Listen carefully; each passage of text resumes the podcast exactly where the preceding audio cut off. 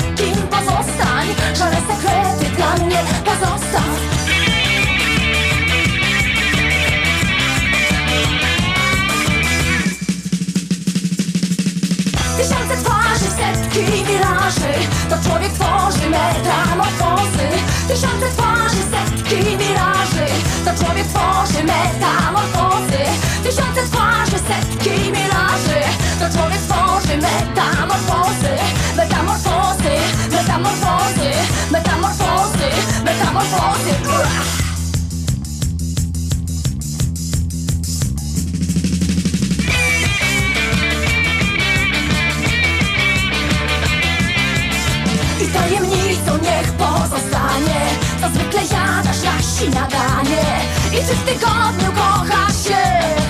Razy siedem czy też pięć?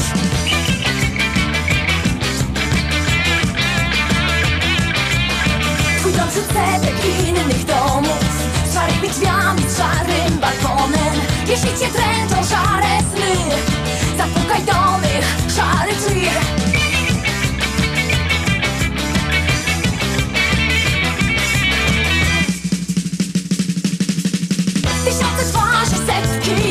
miraży To człowiek tworzy metamorfozy.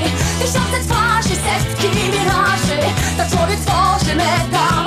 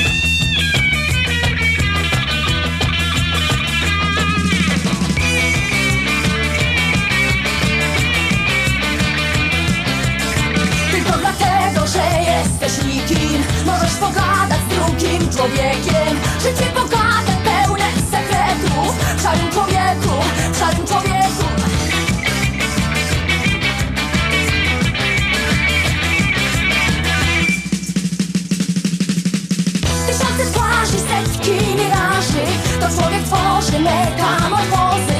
Tysiące twarzy, setki miraży. To człowiek tworzy metamorfozy. Tysiące twarzy, setki miraży. To człowiek tworzy metamorfozy. Metamorfozy, metamorfozy Metamorfozy, metamorfozy. Manam na początek raportu o stanie świata w piosence o metamorfozach. Właśnie mamy kolejną.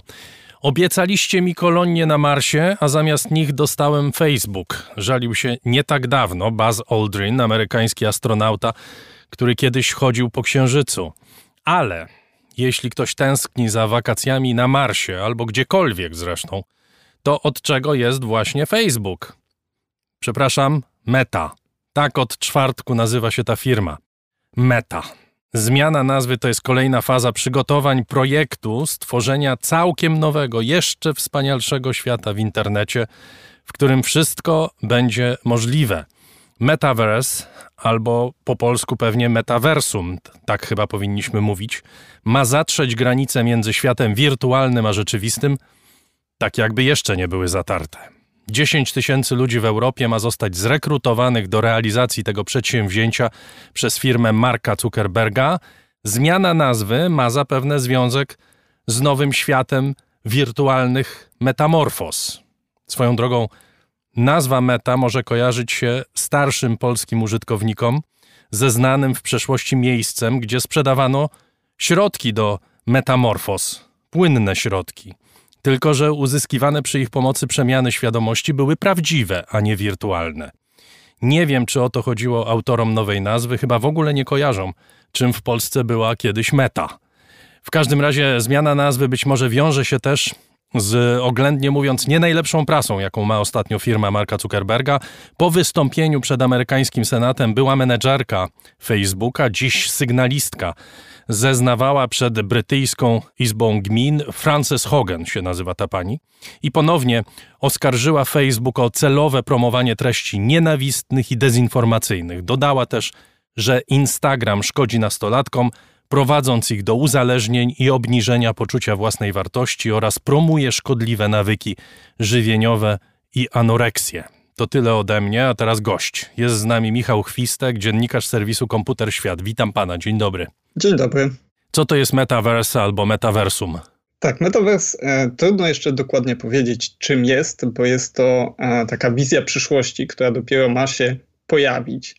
E, w skrócie jest to taki nowy internet, tak jak pan na początku wspomniał, ma to być e, internet, który będzie trójwymiarowy. Będą to połączone ze sobą wirtualne światy, w których będziemy e, działać z, przy pomocy między innymi gogli wirtualnej rzeczywistości. Najlepiej to przedstawić na, na jakichś przykładach. Możemy to porównać na przykład do już działających gier komputerowych. W tym momencie też możemy wejść do takich wirtualnych światów, ale gry mają swoje ograniczenia. One mają określone cele i służą przede wszystkim rozrywce. A Metaverse to będzie, będzie miał takie możliwości jak obecnie internet, Czyli będziemy mogli tam robić e, zarówno e, grać, jak i pracować, uczyć się, czy nawiązywać kontakty z innymi ludźmi. Pod warunkiem, że oni też wejdą do tego metaversum, prawda? To znaczy, tak. muszą tam być. Tak, i to jest jeden z największych e, wyzwań stojących przed e, twórcami metaverse, czyli zachęcenie ludzi, żeby z tego metaversum chcieli korzystać. E, bo to jest trochę tak, jak kiedyś był internet i wiele osób korzystało z niego do pracy, ale osoby na przykład siedzące przy komputerze, grające albo siedzące w internecie, patrzono raczej na nie jako takie e, wyalienowane jednostki, typowy informatyk czy gracz. I dopiero smartfony sprawiły, że, że internet stał się elementem naszej codziennej rzeczywistości. Stał się zaakceptowany przez społeczeństwo jako no, coś zupełnie normalnego. I przed tym samym wyzwaniem stoją obecnie twórcy metaversum. Czyli oni muszą przekonać nas do tego, że my chcemy brać udział w tym nowym eksperymencie. No, znając Facebooka i, i umiejętności perswazyjne e, tej firmy i algorytmów, które ta firma tworzy, to pewnie da się to zrobić. Ile to będzie kosztowało i ile Facebook na tym zarobi? To jest trudne pytanie. Jeszcze nikt nie wie, ile to będzie kosztowało. E, tutaj warto zwrócić uwagę na to, że Metaverse to jest idea, to jest pomysł, do którego, e, którego żadna firma nie zrealizuje samodzielnie.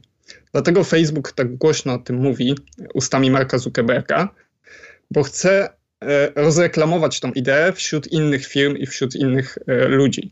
I to jest bardzo istotne, bo e, jakby ta idea zrodziła się z książki Nila Stevensona Zamieć, w której, która opowiada właśnie o takim, o ludziach, którzy żyją w świecie wirtualnym, a w świecie rzeczywistym.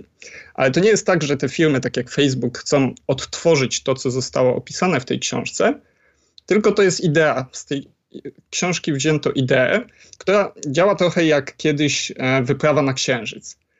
Daje jakiś odległy, jeszcze nie wiadomo jaki cel, e, do którego firmy, czy nawet państwa mogą dążyć. Dlatego nie, nie można mówić, że Facebook e, ile będzie kosztowało takie metaversum, bo no to będą koszty olbrzymie, na które nawet Facebook sam nie może sobie pozwolić.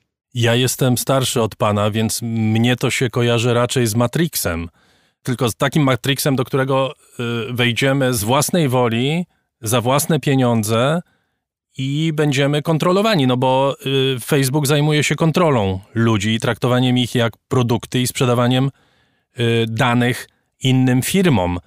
Te potencjalne korzyści reklamowe czy potencjalne korzyści komercyjne – dla Facebooka, czy ktokolwiek z nim nie będzie współpracował, to jest y, no, y, historia, która chyba jest najbardziej fascynująca, zwłaszcza dla właścicieli tej firmy. Tak, dlatego e, jakby najlepszym rozwiązaniem byłoby takie, w którym to metaversum, podobnie jak internet, jest zdecentralizowane. Czyli nie jest pod kontrolą żadnej konkretnej firmy. I w, na wczorajszej prezentacji sam Mark Zuckerberg starał się nas przekonać o tym, że to, co oni tworzą, to ma być dzieło wielu różnych firm, do którego oni zapraszają innych i ma to być otwarte, to e, metaversum. Ale tak naprawdę e, wszystko to, co opowiadano na tej konferencji, zostało jakby obnażone na sam koniec, kiedy Mark Zuckerberg zaprezentował nazwę nowej firmy. Nazwano ją Meta, czyli neutralne pojęcie, które jest stosowane przez wiele różnych osób i firm metaversum, zostało w pewien sposób zaanektowane przez Facebooka. Teraz, jak rozmawiamy o metaversum, to jednoznacznie będzie się to w przyszłości kojarzyło z projektem e, Facebooka, właśnie. Obecnie już Meta. I, I, to jest jedno z niebezpieczeństw, które wiąże się właśnie z tym metaversum, bo ono ma wiele benefitów, bardzo ciekawych i bardzo przydatnych rozwiązań, ale właśnie problemem jest to, żeby jedna firma nie kontrolowała wszystkiego. No bo wtedy niestety skończy się to, może się to skończyć bardzo źle. To proszę powiedzieć o tych przydatnych y, rzeczach, o zaletach potencjalnych metaversum. Przez to, że to wszystko jest wirtualne, to wiele rzeczy można stworzyć dużo łatwiej niż w rzeczywistości. Mamy na przykład e, nie wiem, marzenia takie o, o tym, żeby wymyślić teleportację, żeby wymyślić podróże na Marsa, podróże na Księżyc. E, w momencie, w którym będziemy dużą część naszego życia spędzać w takim wirtualnym metaversum, to tam realizacja tych wszystkich celów jest dużo, dużo łatwiejsza. I e, takie przykłady, które, bo e, często pojawiają się w komentarze pod tekstami na temat metaversum, że to jeszcze bardziej oderwie nas od rzeczywistości. Popularne są takie zdjęcia, w których właśnie e, na konferencji siedzą ludzie w e, goglach wirtualnej rzeczywistości, no i wygląda to dość przerażająco. Ale tak naprawdę ma to wiele zalet. Chociażby to, że e, przenosząc się do, do tej rzeczywistości, możemy stworzyć swojego wirtualnego awatara, który może wyglądać dokładnie tak jak my, ale może być też inny. I używając tego, na przykład osoby niepełnosprawne mogą w multiversum, w metaversum być zupełnie tak samo sprawni jak, jak inni ludzie i nie będą się niczym różnić. E, tak samo e, praca czy kontakty na odległość.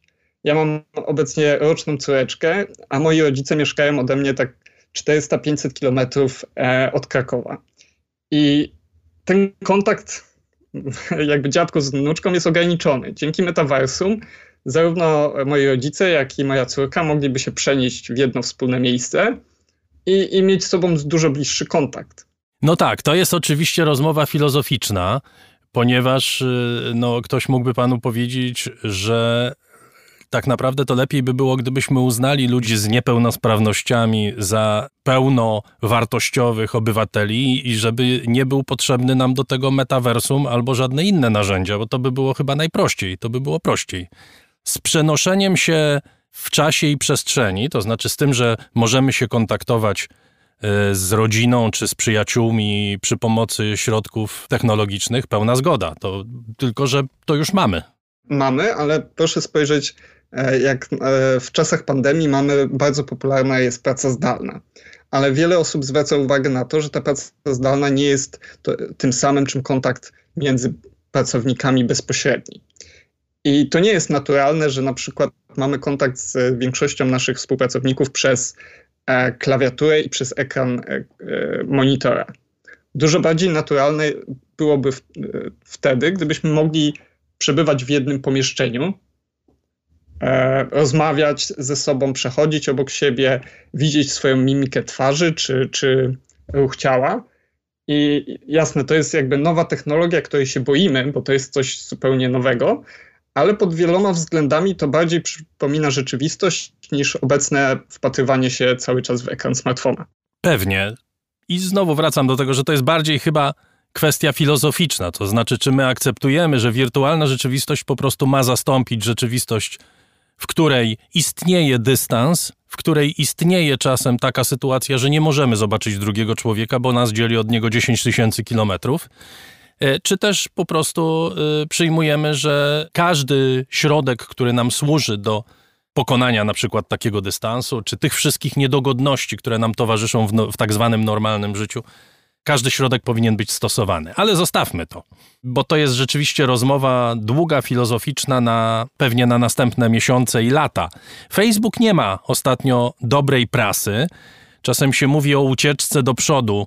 Ja nie wiem, czy Mark Zuckerberg y, jakoś sobie zaplanował to czasowo, żeby wprowadzić metaverse akurat w tym momencie, kiedy te kłopoty się pojawiły. Zapewne nie, bo, bo Facebook jest już od dawna atakowany Y, regularnie, można powiedzieć, w mediach, ale mamy ostatnio te zeznania Frances Hogan. To nie jest nic nowego, co ona mówi, bo tak jak mówię, te zarzuty się pojawiają często, ale kiedy padają one z ust wysokiej rangą menadżerki firmy, to znaczą więcej chyba. Prawda? Czy się mylę? Tak, i nie tylko one padają z ust menadżerki, ale przede wszystkim mamy wewnętrzne dokumenty dzięki niej, w których e, no, możemy sobie przeczytać, co mówią sami pracownicy firmy, zarówno ci niższego szczebla, jak, jak i najwyżsi menadżerowie. No i obraz, jaki przedstawiają, nie jest e, zbyt korzystny, oględnie rzecz mówiąc, dla Facebooka. E, tak jak pan wspomniał, one przede wszystkim potwierdzają te rzeczy, których, które już wie, wiedzieliśmy i dają kolejne dowody na to, że Facebook stawia e, wyżej dalszy rozwój, dalszą ekspansję oraz zyski ponad to, jaki ma wpływ pozytywny czy negatywny na, na społeczeństwo. I to jest, myślę, że główny wniosek z tych e, dokumentów, które e, przekazała prasie Francis Haugen, czyli Facebook prowadził liczne badania na temat wpływu Facebooka, Instagrama, WhatsAppa na społeczeństwo, na ludzi, e, ale najczęściej, jeżeli wychodziło, wyniki były takie, że ten wpływ był negatywny, to niestety e, albo jej ignorowano, e, albo decydowano, że jednak no, zyski są ważniejsze i jednak koszty po, pokonania tych, tych problemów, rozwiązania tych problemów są zbyt duże. Należy jednak pamiętać, że to, te wypowiedzi Francis Haugen to, jedno, to tylko drobny element całej układanki, bo tak naprawdę Facebook ostatnio nie ma dnia, w którym nie, nie czytamy nowych informacji na temat E, afer związanych z amerykańską korporacją. E, jest wiele e, spraw sądowych, w których Facebook jest oskarżany o zarówno o wykorzystywanie swojej pozycji monopolistycznej, jak, jak i oszustwa podatkowe. Jest na przykład mniej znana może w Polsce sprawa, w której udziałowcy Facebooka, jeden z funduszy amerykańskich, pozwali Facebooka o to, że zapłacił e, bardzo wysoką karę 5 miliardów dolarów e, za aferę związaną z Cambridge Analytica. I oni zapłacili tą karę bez większych, e, powiedzmy targów. I według tego fundusza wynika to z tego, że dogadali się, żeby w całą sprawę nie był wiązany bezpośrednio Mark Zuckerberg. Czyli tak jakby firma, pieniędzmi firmy rozwiązano problem jej prezesa, który jest jednocześnie głównym udziałowcem. No i tutaj e, ten fundusz e, oskarża Facebooka właśnie o to. No a jak e, jeden z dziennikarzy amerykańskich słusznie zauważył, w Ameryce można pozwolić, pozwolić sobie na bardzo wiele rzeczy i nie być za nie e, ukaranym, ale jednego robić nie można, czyli oszukiwać innych kapitalistów na pieniądze. No i to jest jedna z naprawdę licznych e, spraw, które są przeciwko Facebookowi prowadzonych. I tak jak pan wspomniał, e, ogłoszenie Metaverse z pewnością by nastąpiło, ale wydaje mi się, że mogłoby to nastąpić później, a nakłady i środki, które są, które Facebook przeznacza na budowę Metaverse, byłyby mniejsze, gdyby nie to, że właśnie Facebook chce uciec do przodu, chce zostawić te problemy za sobą e, i pokazać nową, lepszą twarz. Na wczorajszej konferencji bardzo dużo e, czasu poświęcono właśnie na podkreślanie prywatności, dbania o prywatność, dbania o dane użytkowników. E, jedną wypowiedź można nawet traktować jako takie tłumaczenie się Facebooka, e, bo Mark Zuckerberg mówi, że e, kilka lat temu, jak pojawiały się nowe technologie, to nie myślano o tej prywatności, liczył, liczyła się tylko, liczył się tylko dalszy rozwój nowych technologii, ale teraz, gdy metaverse E, powstanie dopiero za te 10-15 lat. Mamy czas, żeby się o tą, e, żeby dbać o tą prywatność i, i przygotować się odpowiednio do tego. Pan wspomniał o podatkach. To jest taki łatwy cel, bo zawsze można te korporacje zaatakować za to, że nie płacą podatków. Facebook zapłacił 5 milionów podatków w Polsce, co i tak jest dużo, bo dwa lata temu zapłacił niecały milion. Dodajmy, że to jest firma, która ma 30 miliardów dolarów zysków na świecie. Oczywiście te zyski realizowane są poza Polską przede wszystkim, no ale kiedy się patrzy na taką wielką korporację i się dowiadujemy, że ona zapłaciła tyle samo, co spółdzielnia mleczarska w Grajewie, zresztą pozdrawiamy mleczarzy z Grajewa, no to rzeczywiście nie, nie najlepiej wypada. I mówię, że to jest takie łatwe przyczepianie się, bo jest mnóstwo korporacji. Orange czy T-Mobile też prawie nie płacą podatków w Polsce i w ogóle nie płacą podatków. Tak sobie kombinują, żeby tak to y, wyszło, bo tym się zajmują prawnicy tych korporacji, ale to rzeczywiście bardzo źle wpływa na sposób postrzegania tych firm.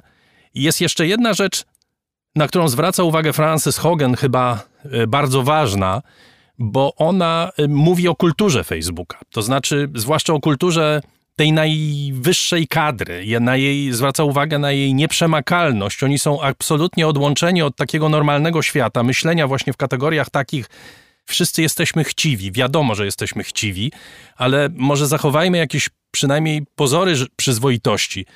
Nie, dla nich liczą się wyłącznie zyski, mówi Hogan. I to jest też taki bardzo jasny, czytelny przekaz, prawda? A, tak, tak. E, ja słuchałem takiego podcastu E, New York Timesa, w którym prowadząca rozmawiała e, z Waltem Mosbergiem. To jest taki znany technologiczny dziennikarz, który jest obecnie już na emeryturze.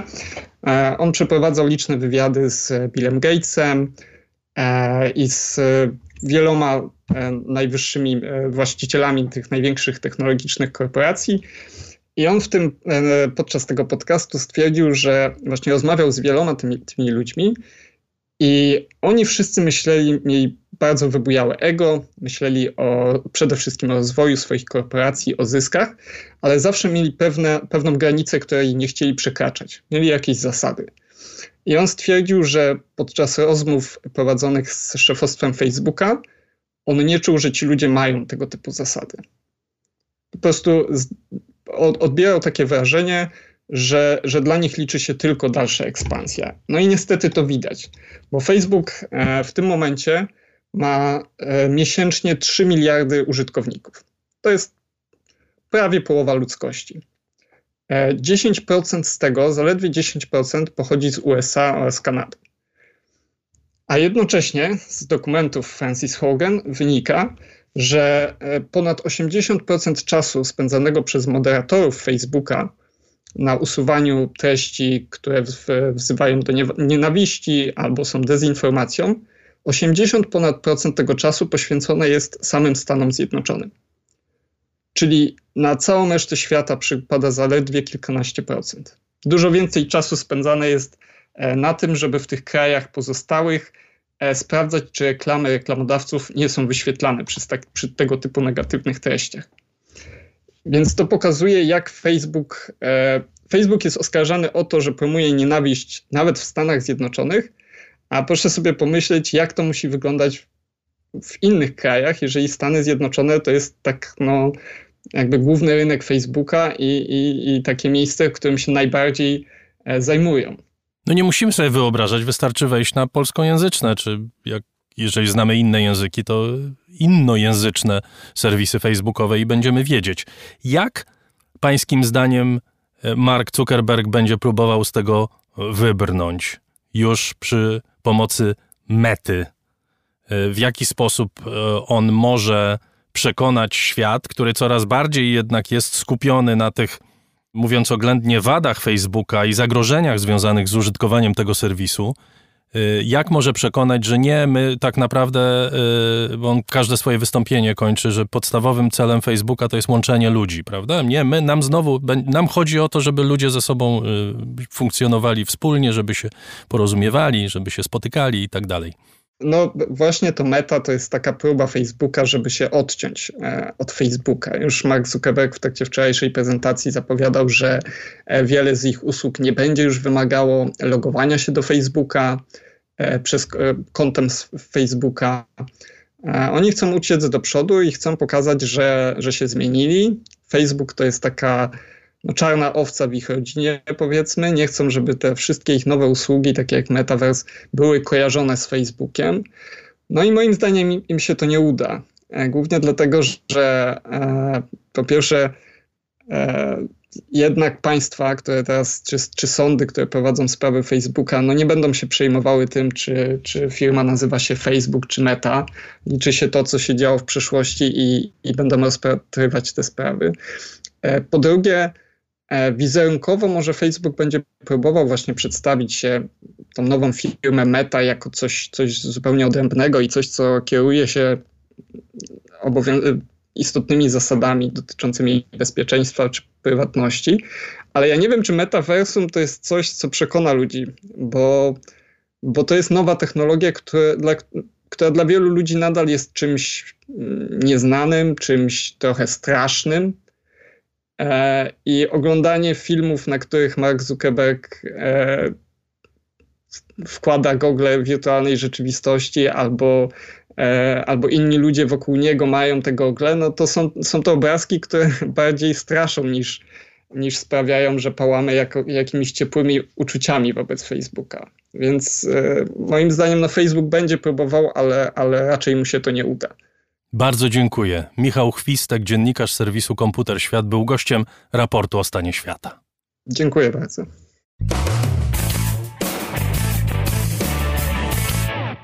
W Glasgow rozpoczyna się doroczne spotkanie ludzi zaniepokojonych zmianami klimatycznymi. Oficjalnie nazywa się ono konferencją stron, po angielsku Conference of the Parties, czyli w skrócie COP.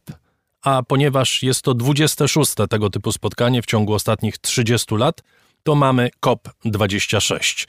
Jest z nami profesor Zbigniew Karaczon, wykładowca Szkoły Głównej Gospodarstwa Wiejskiego i ekspert Koalicji Klimatycznej. Witam pana, dzień dobry. Dzień dobry panu, dzień dobry państwu. Po co odbywa się to spotkanie? To spotkanie to jest e, kolejne spotkanie w serii negocjacji konwencji klimatycznej i e, protokołów, które konwencji klimatycznej e, towarzyszą, przede wszystkim porozumieniu paryskiemu. To są spotkania negocjatorów z poszczególnych państw członkowskich ONZ-u, które są sygnatariuszami i stronami tych porozumień. I w trakcie tych, tych spotkań odbywają się negocjacje dotyczące sposobów globalnego podejścia do ochrony klimatu, mechanizmów, instrumentów, które będzie, e, będą wymagane, żeby poszczególne kraje wdrożyły i aby chronić klimat bardziej skutecznie niż do tej pory. Jakie to będą działania? To jest to cały czas, o czym rozmawiamy, to jest to, co wynika z porozumień paryskich? Dokładnie tak. To znaczy to spotkanie, ono jest o tyle istotne, że to jest spotkanie, które y, tak naprawdę miało się odbyć dwa lata temu, dlatego że w zeszłym roku nie doszło do szczytu ze względu na pandemię. On, ono miało się odbyć w zeszłym roku. E, tu, co jest najważniejsze, to najważniejsze jest uzgodnienie mm, e, sposobów i kierunków dalszego zaostrzania dotychczasowych wymogów w zakresie redukcji emisji gazów cieplarnianych, dlatego że dotychczasowe NDC, czyli tak zwane indywidualne zobowiązania państw e, stron porozumienia są zbyt małe, żeby dojść do celu porozumienia paryskiego, czyli żeby utrzymać średniej temperatury poniżej 2 stopnia. Jesteśmy w tej chwili na ścieżce dojścia do, w, do, do, do mniej więcej 3 stopni, 2,7, 2,9 do końca tej dekady, więc potrzebujemy dodatkowych zobowiązań redukcyjnych ale potrzebujemy również systemu, lepszego systemu finansowania działań na rzecz ochrony klimatu, zwłaszcza w państwach najbiedniejszych i rozwijających się.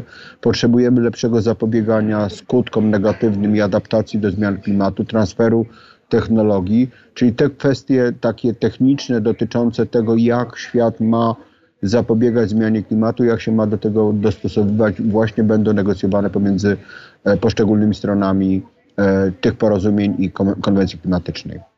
Tej konferencji, podobnie zresztą jak poprzednim, towarzyszy bardzo duże napięcie, również polityczne, napięcie w, w debacie medialnej.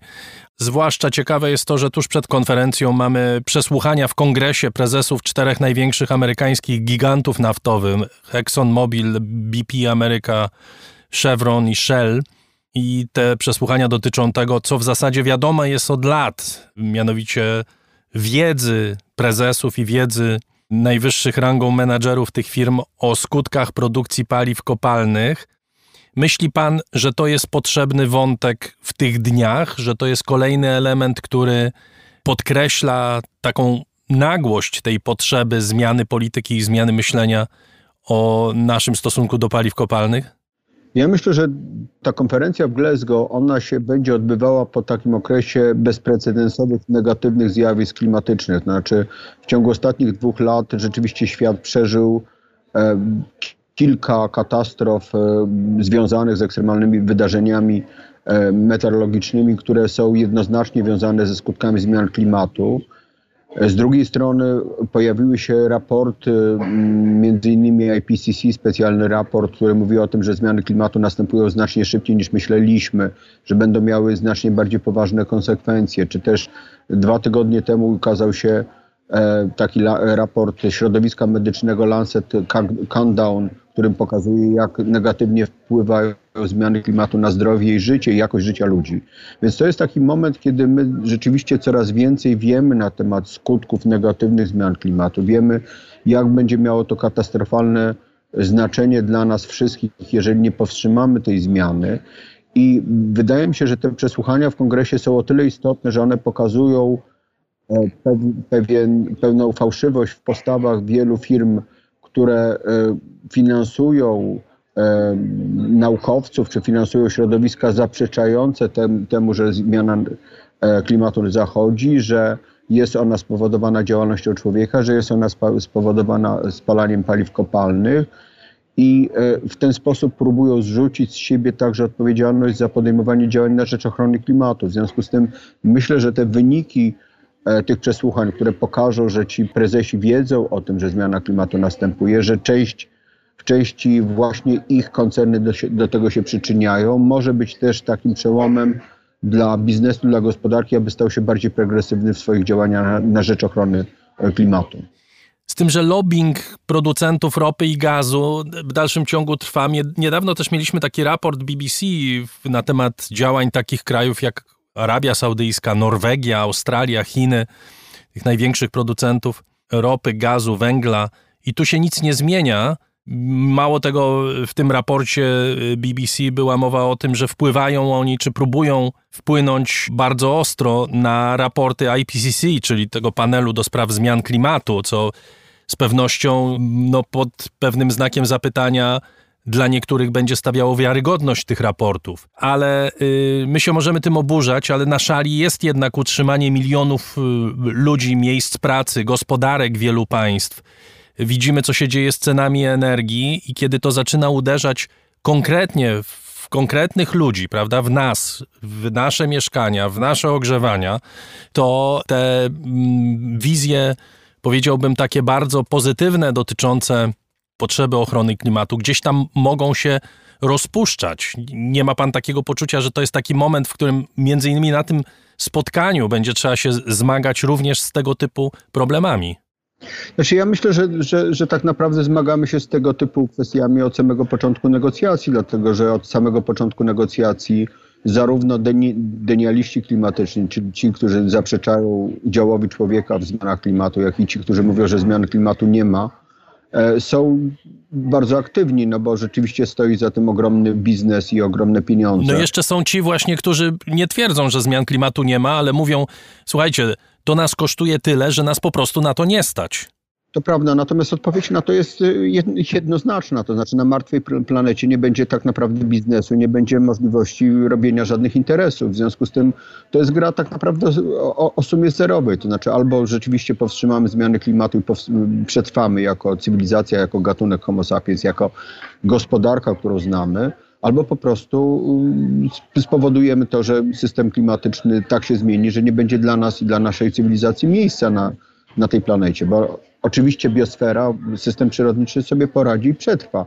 Natomiast to jest tak naprawdę gra o przetrwanie nas jako gatunku. Ale panie profesorze, to jest to hasło, ja nie umniejszam, broń Boże, jego wagi, ale to jest to hasło, które jest non-stop powtarzane.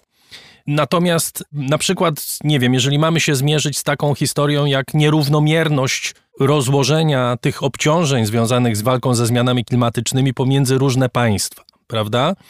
Unia chce ograniczyć emisję o 55% do 2030 roku pod sankcją prawną dla swoich członków. Inne rejony świata nie stawiają sobie tak ambitnych celów, a przecież wszyscy zaśmiecają planetę. Ale dlatego tak naprawdę Unia Europejska rozważa wprowadzenie podatku węglowego na granicy, który będzie jakby wyrównywał szanse konkurencyjne wyrobom, które będą produkowały w Europie, więc tutaj mechanizmy takie, które będą regulowały te kwestie y, konkurencyjności gospodarki, y, są brane pod uwagę i są wdrożone w system polityki zapobiegania zmianie klimatu i e, przeciwdziałania tym, tym, tym, tym, tym e, problemom. Więc to tutaj ja, ja, ja, tego, ja, ja to jakby dostrzegam i wydaje mi się, że warto także e, pokazać. Znaczy, ja też E, chciałem powiedzieć jedną rzecz, że tak naprawdę od mm, już ponad 20 lat, no może nie ponad, od 15 lat, od pojawienia się tak zwanego raportu Sterna, to jest konserwatywny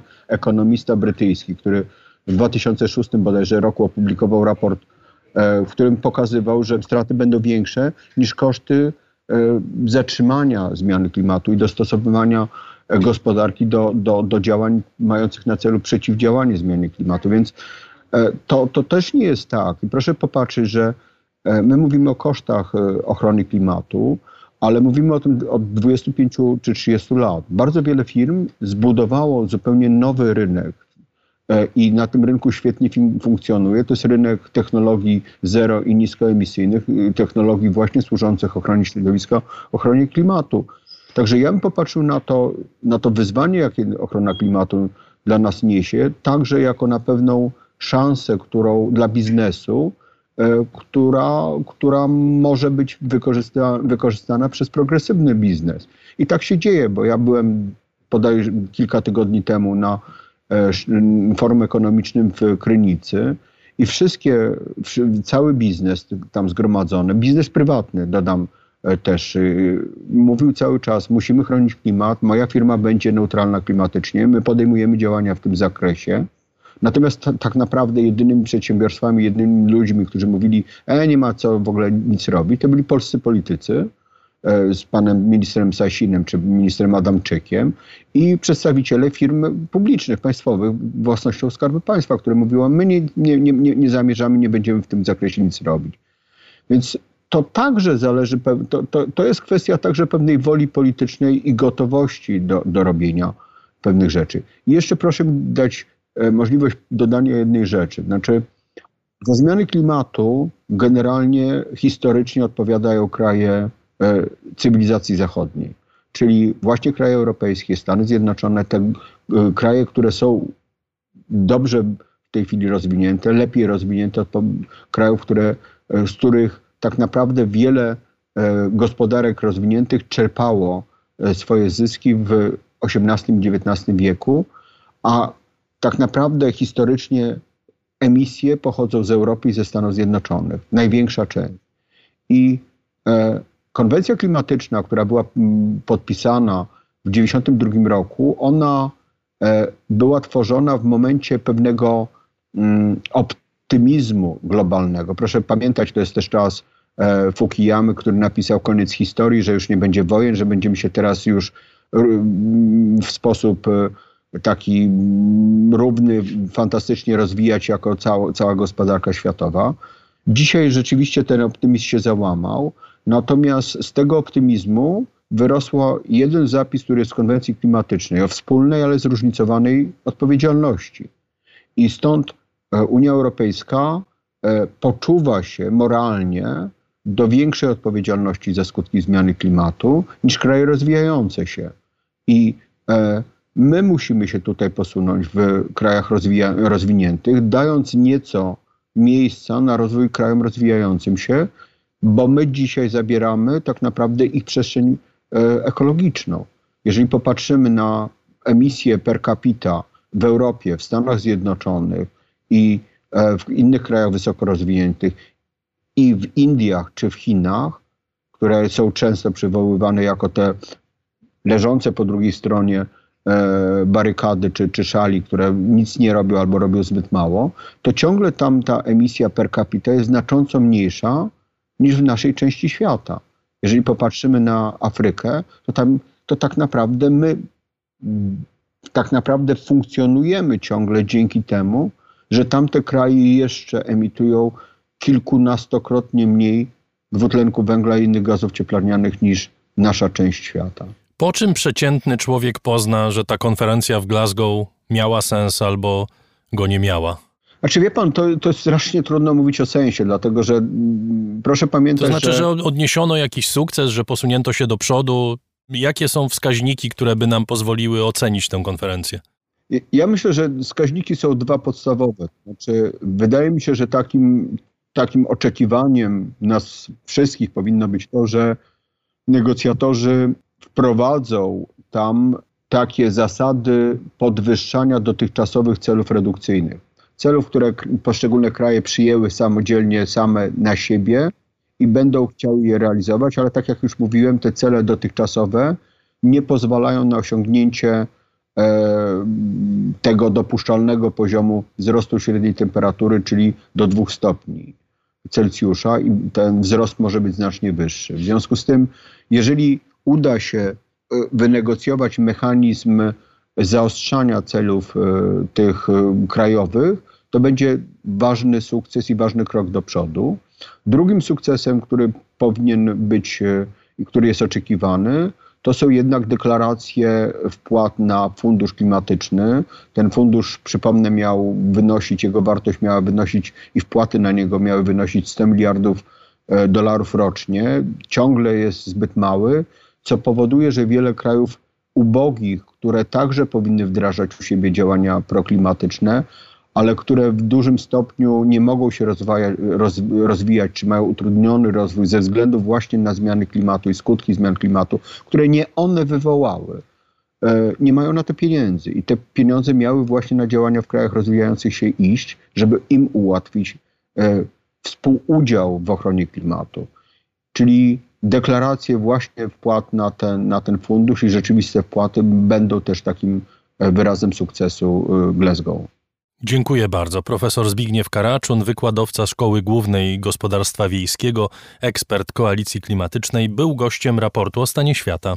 Dziękuję panu, dziękuję państwu.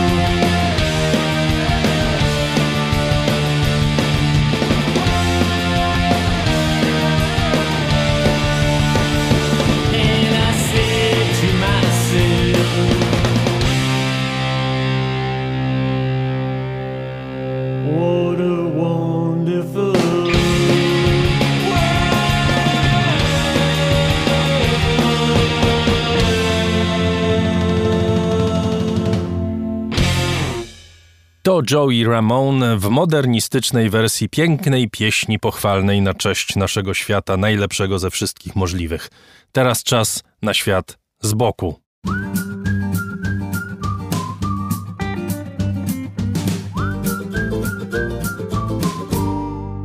Grzegorz Dobiecki, jak Państwo wiedzą, na co dzień prowadzi program Dzień na świecie w telewizji Polsat News, a po pracy przygląda się światu z boku i opowiada Państwu, co zobaczył. Dziś o tym, czy na Afganistan należy mówić druga Syria, a na Polskę druga Japonia.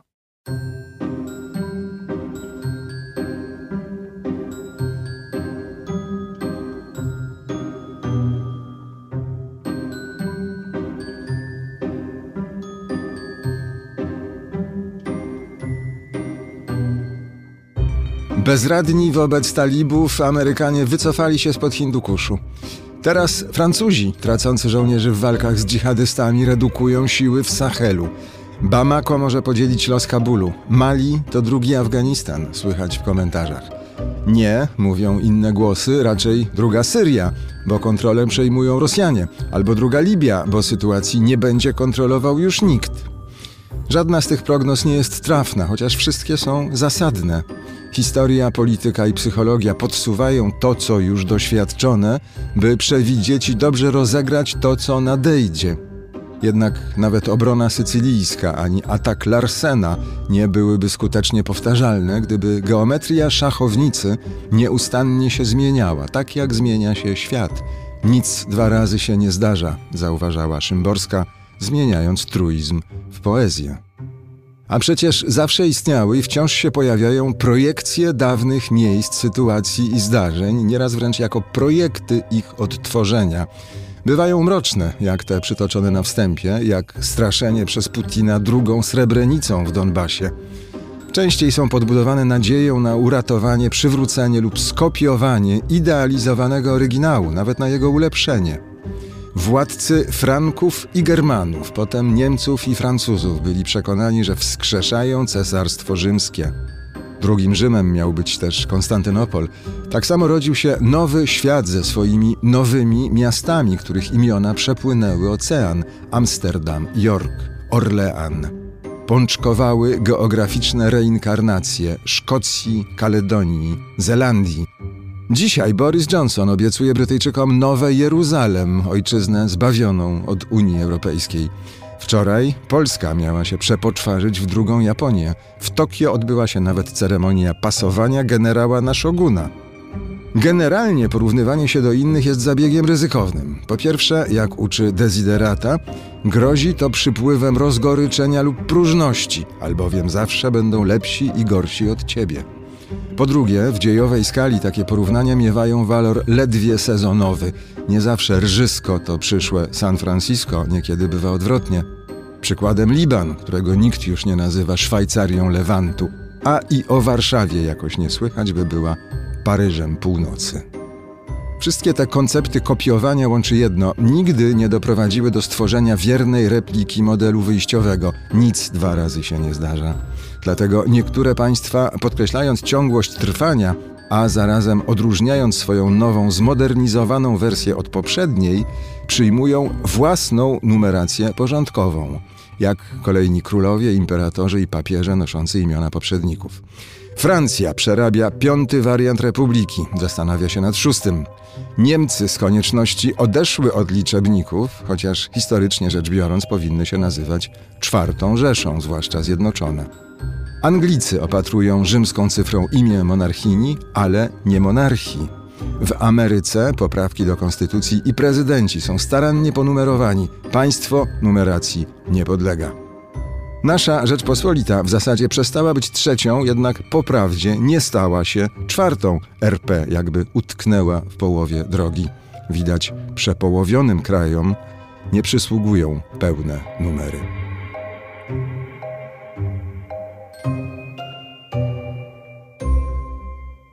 Teraz czas na przypomnienie, dlaczego w ogóle możemy robić to, co robimy. No właśnie, dlaczego? dlatego że mamy tak wiernych i oddanych patronów jak Państwo.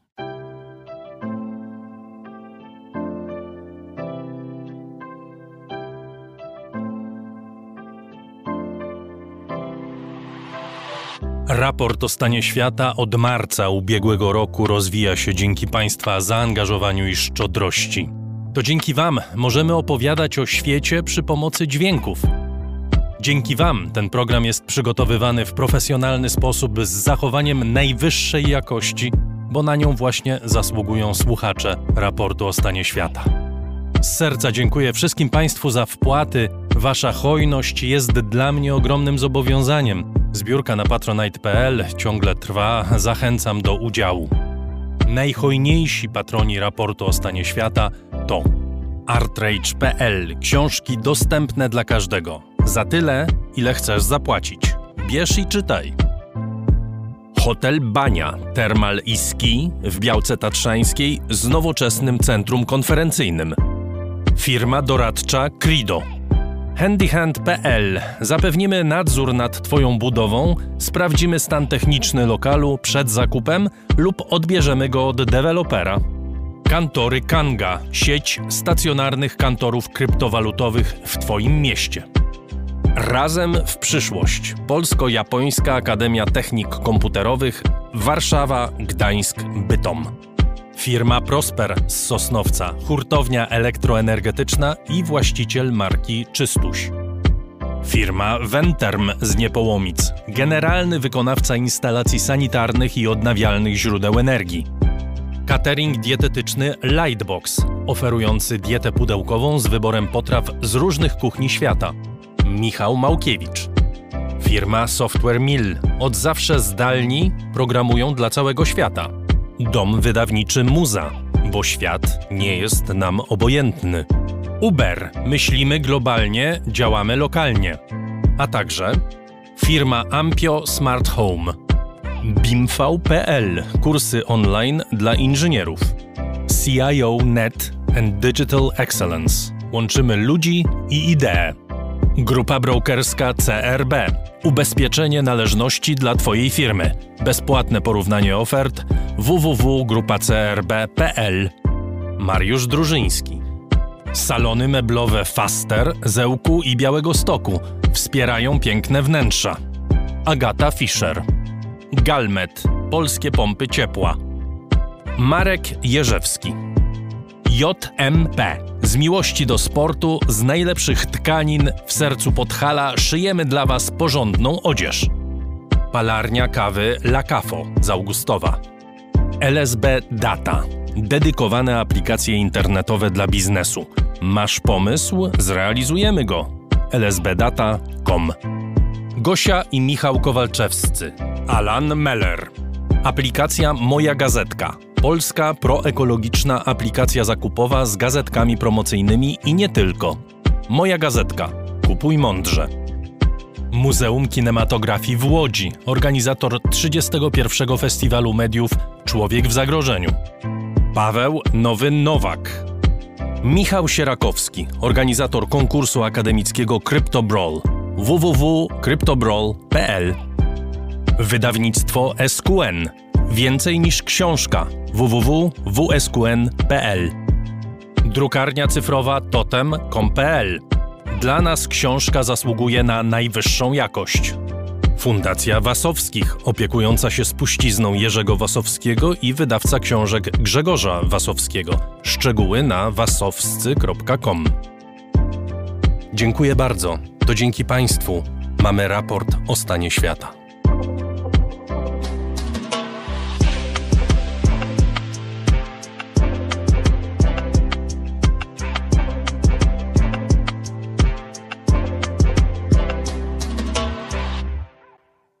Masai Mara to jeden z największych i najsłynniejszych rezerwatów przyrody w Afryce. To też jeden z najpiękniejszych zakątków świata.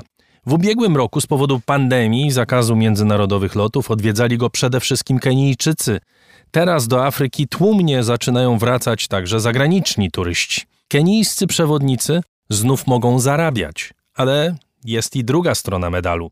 Wraz z powrotem zagranicznych wycieczkowiczów wracają pytania o to, w jaki sposób organizowane są safari i czy nie odbijają się negatywnie na przyrodzie. Relacja Marcina Pośpiecha.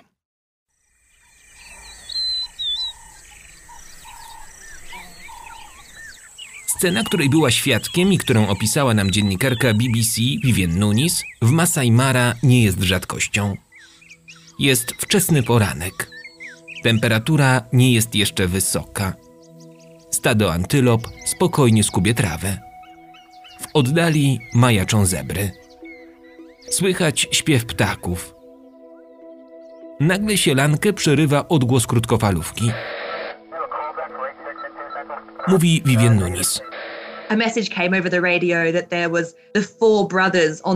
Nasz przewodnik dostał wiadomość, że w okolicy właśnie pojawiło się czterech braci, czyli cztery gepardy, które zwykle polują razem.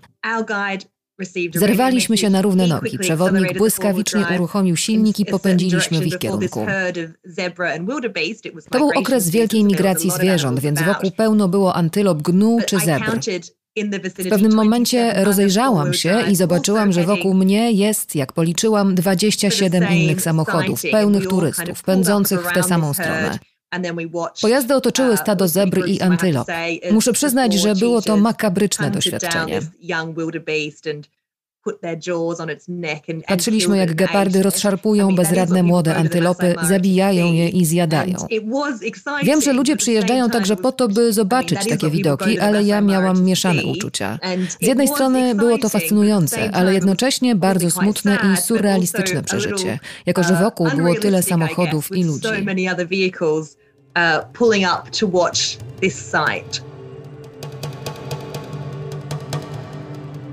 Rocznie rezerwat Masai Mara odwiedza około 300 tysięcy turystów, chcących na własne oczy zobaczyć wielką migrację. Dwa razy w roku, od stycznia do marca i później w lipcu oraz w sierpniu, miliony antylop gnu i zebr przemierzają setki kilometrów równiny Serengeti w poszukiwaniu pożywienia i wody. Swoją wyprawę zaczynają w Tanzanii, kończą w Kenii, właśnie w Masai Mara.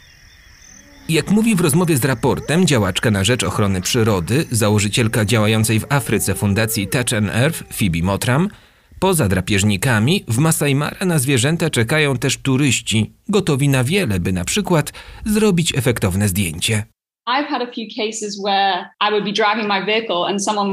Miałam kilka przypadków, gdy jako przewodnik prowadziłam samochód na safari, a obok mnie na siedzeniu pasażera siedział turysta. Oglądaliśmy stada zwierząt i nagle ta osoba przechyliła się na mnie i zaczęła wciskać klakson. Chciała, by zwierzęta podniosły głowy, by można było zrobić lepsze zdjęcia. Wiele osób nie widzi nic złego w takim zachowaniu. Tymczasem moim zdaniem to najgorsze, co możesz zrobić.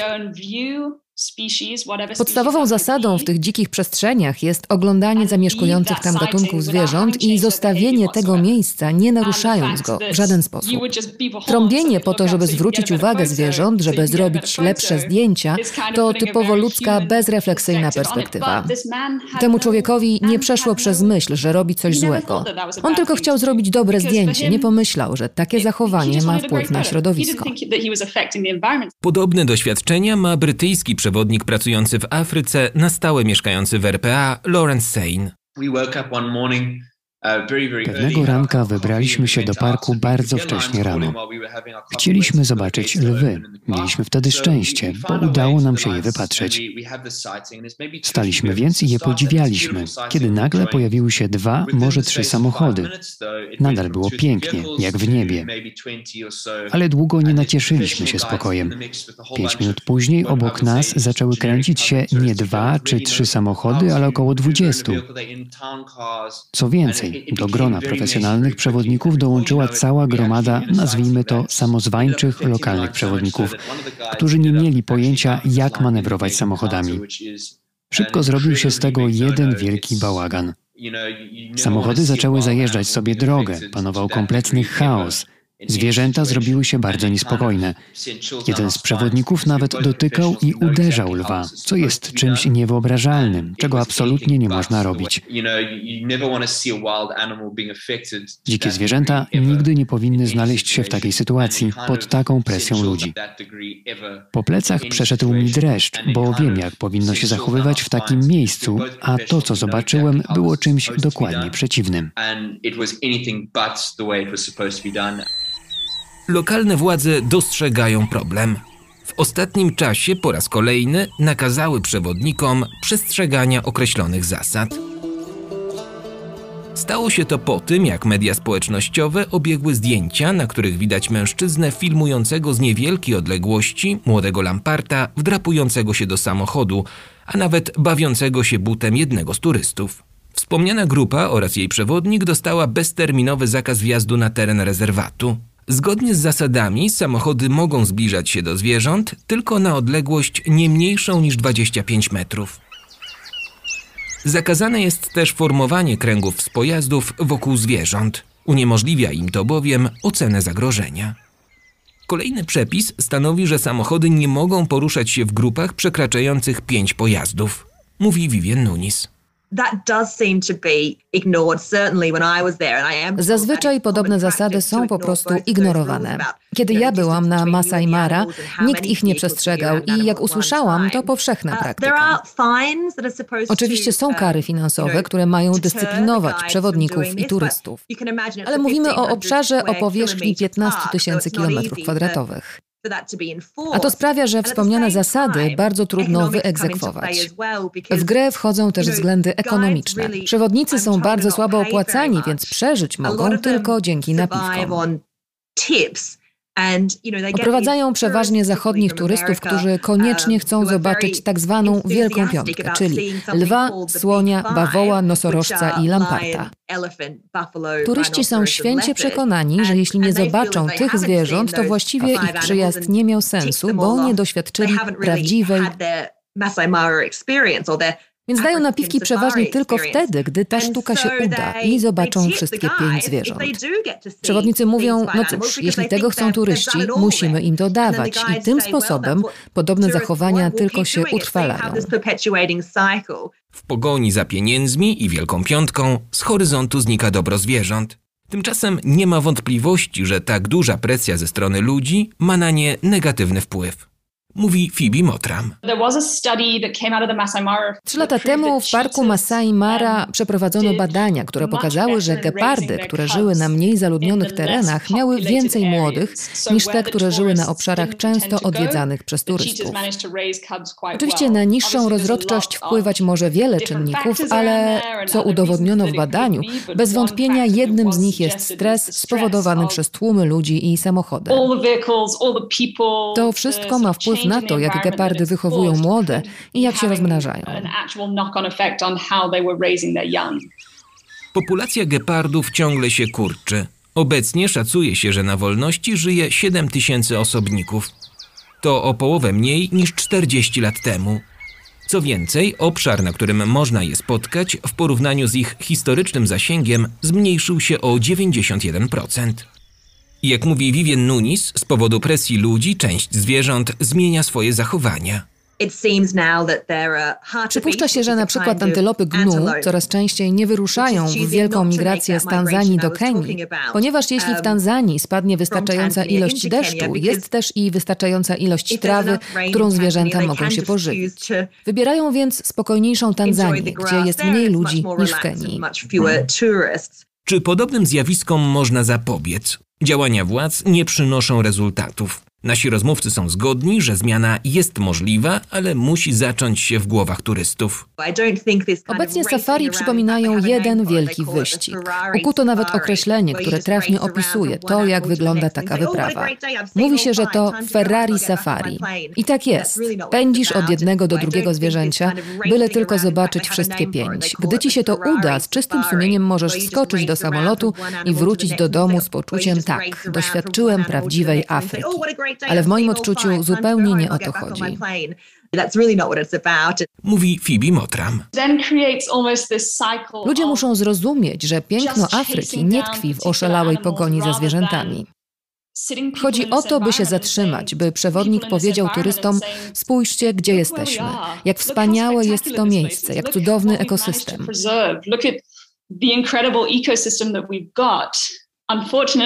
Ale teraz przewodnik dostaje wiadomość, że gdzieś w okolicy jest lew, więc wszyscy ścigają lwa. Potrzeba bardzo odważnych przewodników, którzy powiedzą: Nie będziemy gonić lwa ani słonia, ale zobaczymy inne zwierzę, na przykład łuskowca, co moim zdaniem będzie doświadczeniem lepszym niż zobaczenie słonia.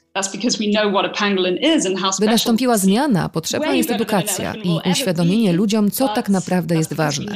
Dotyczy to całej branży safari. Podejście muszą zmienić wszyscy, na czele z turystami i przewodnikami.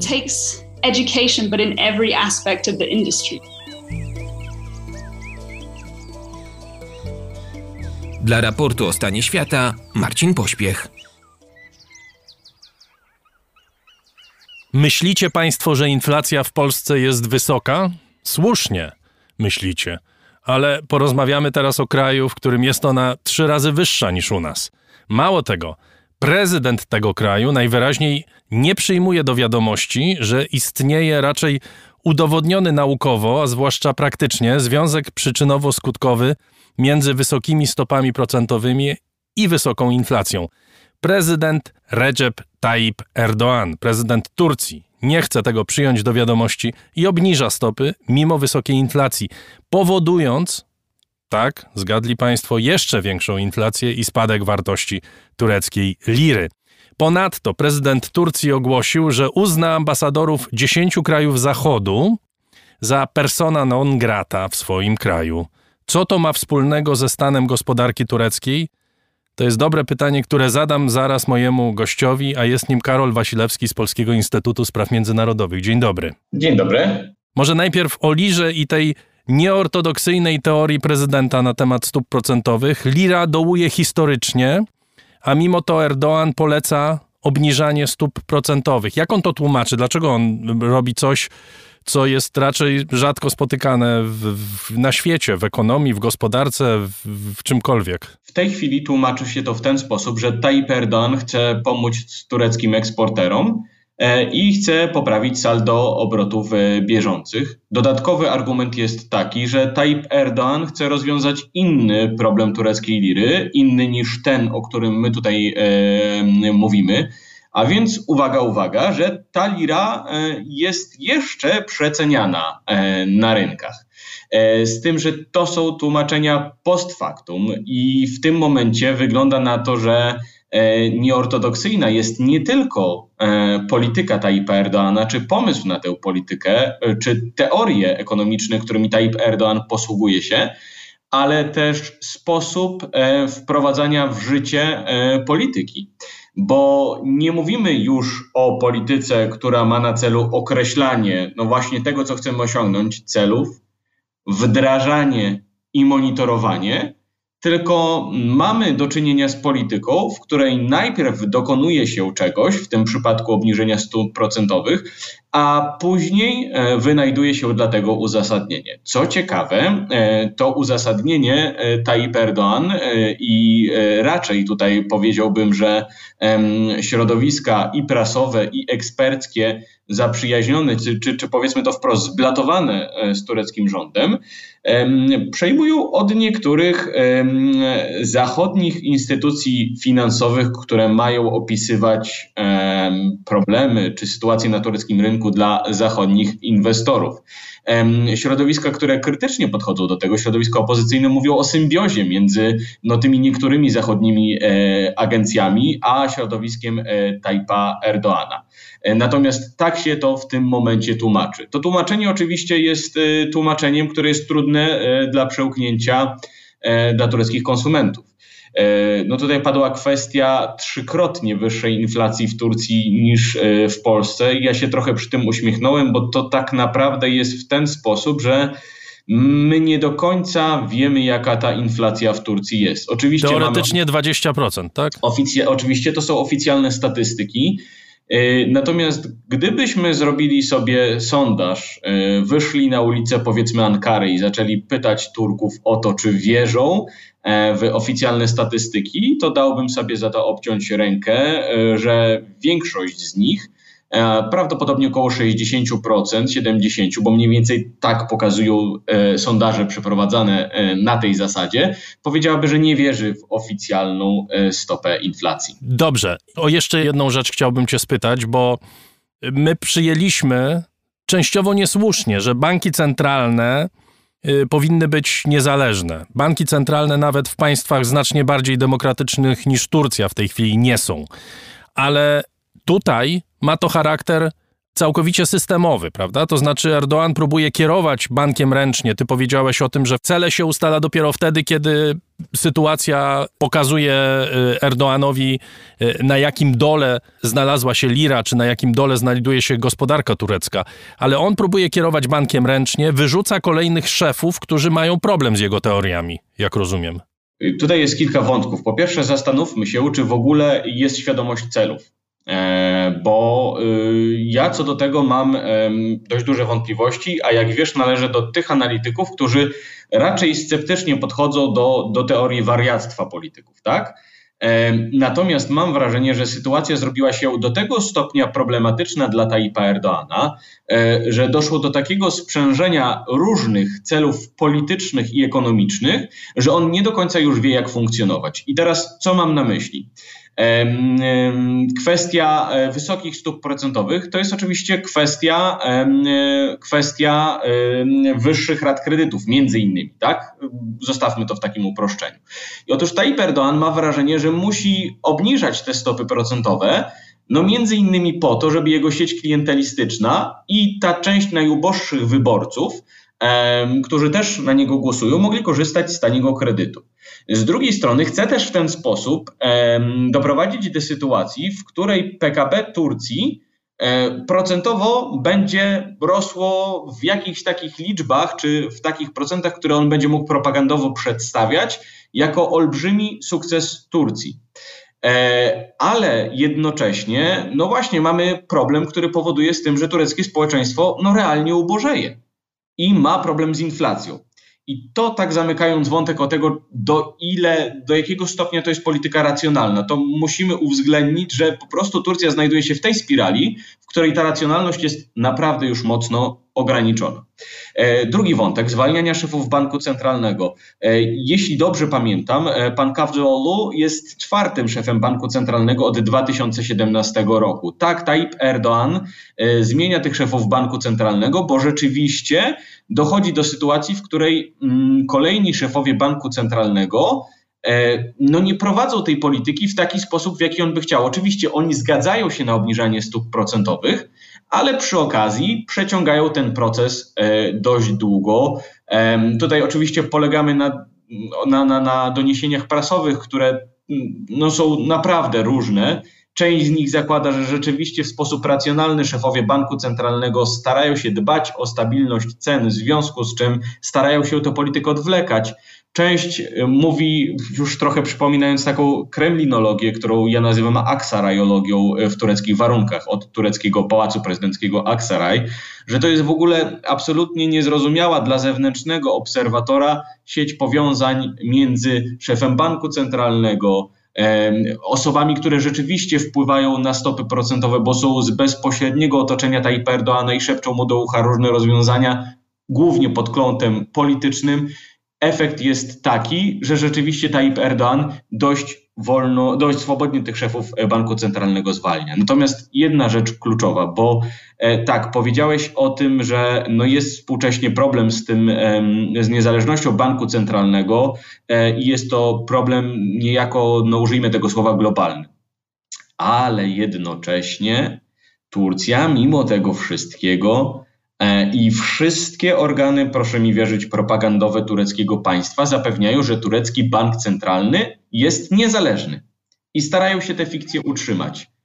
I to jest fikcja, w którą tak naprawdę już nikt w tym momencie nie wierzy, a mimo to turecka, tak jak powiedziałam, propaganda stara się przekonać cały świat do tego i inwestorów, E, że ten bank centralny jest niezależny.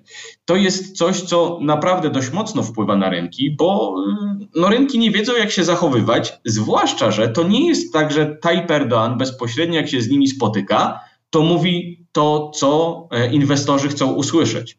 Tayyip Erdoğan mówi oczywiście o niezależności banku centralnego, ale mówi też dokładnie to, o czym powiedziałeś na początku, czyli że stopy procentowe powodują inflację i że w związku z tym one w Turcji będą obniżane. Czyli z jednej strony mówi inwestorom coś, co chcą usłyszeć, słuchajcie, bank centralny jest niezależny, z drugiej strony mówi im, słuchajcie, w zasadzie nie inwestujcie w Turcji, bo będziemy obniżać stopy procentowe, Po czym jeszcze raz mówi o tym, i tutaj znowu cała państwowa propaganda jest wytoczona po prostu na maksymalnych obrotach, przekonując świat do tego, że Turcja jest państwem, w którym doskonale się będzie inwestowało, że e, e, w którym inwestorzy mogą czuć się zawsze bezpieczni i co jeszcze być może dziwniejsze z punktu widzenia inwestorów, mogą mieć wrażenie, że te warunki inwestycyjne są bardzo, bardzo przewidywalne. Dobrze, teraz o polityce porozmawiajmy. O co chodzi z tym planowanym wyrzuceniem ambasadorów?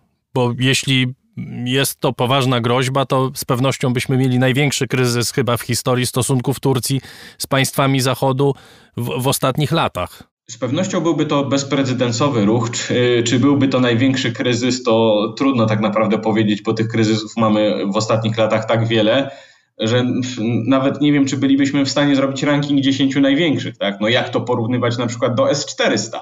Ale wracając, powiedzieliśmy, e, czy powiedziałem o tej niestabilności tureckiej polityki, o tym, że Tayyipowi Erdoğanowi trudno już jest określać hierarchię celów, jeśli chodzi o cele polityczne i cele ekonomiczne.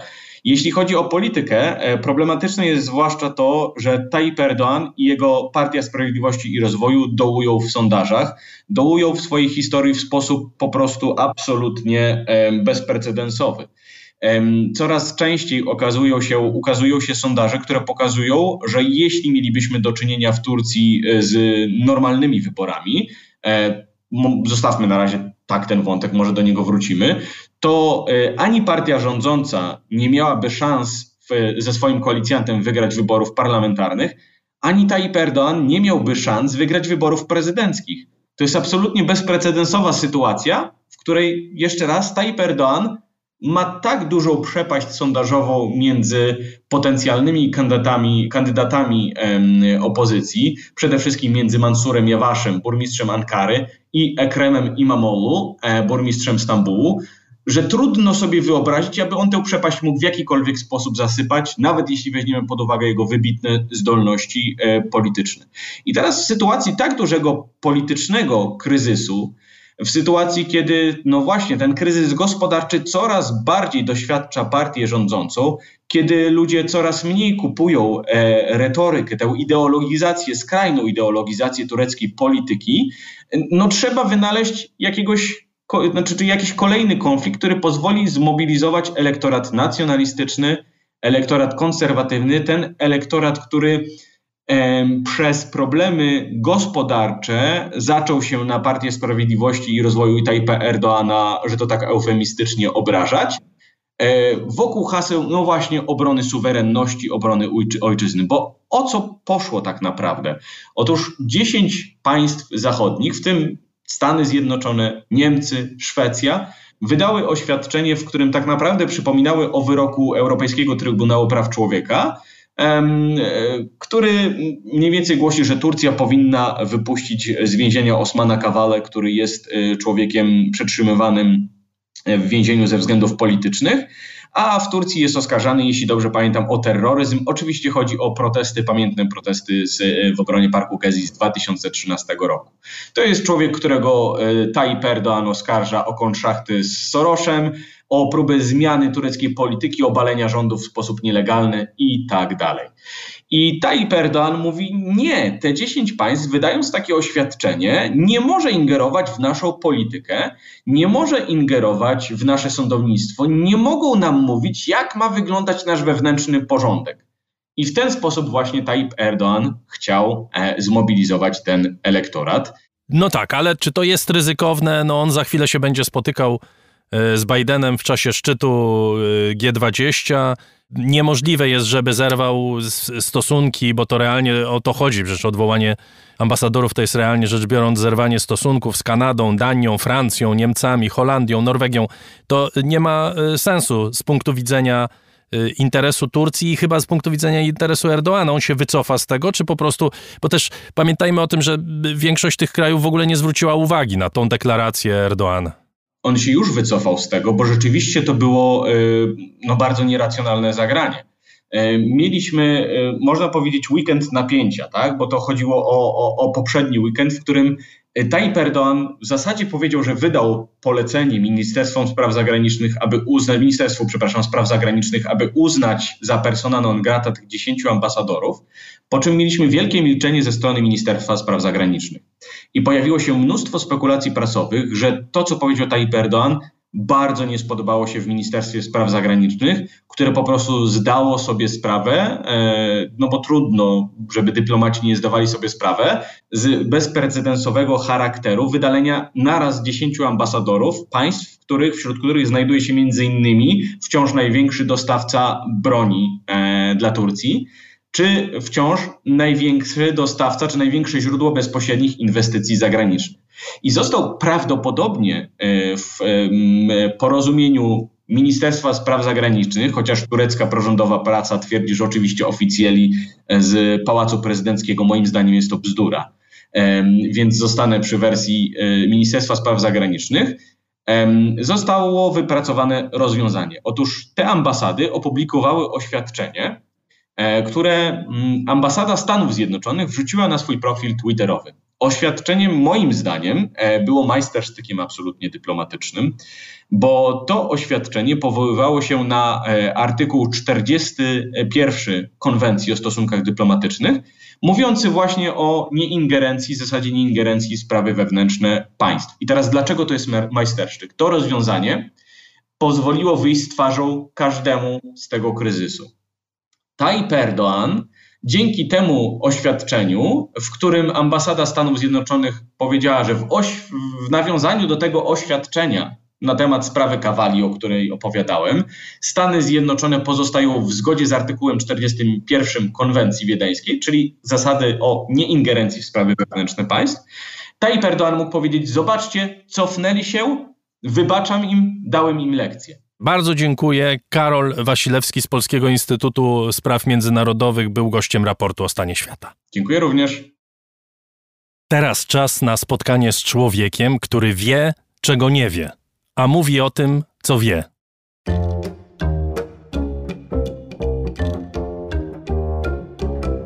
Rożek Urosiaka w raporcie.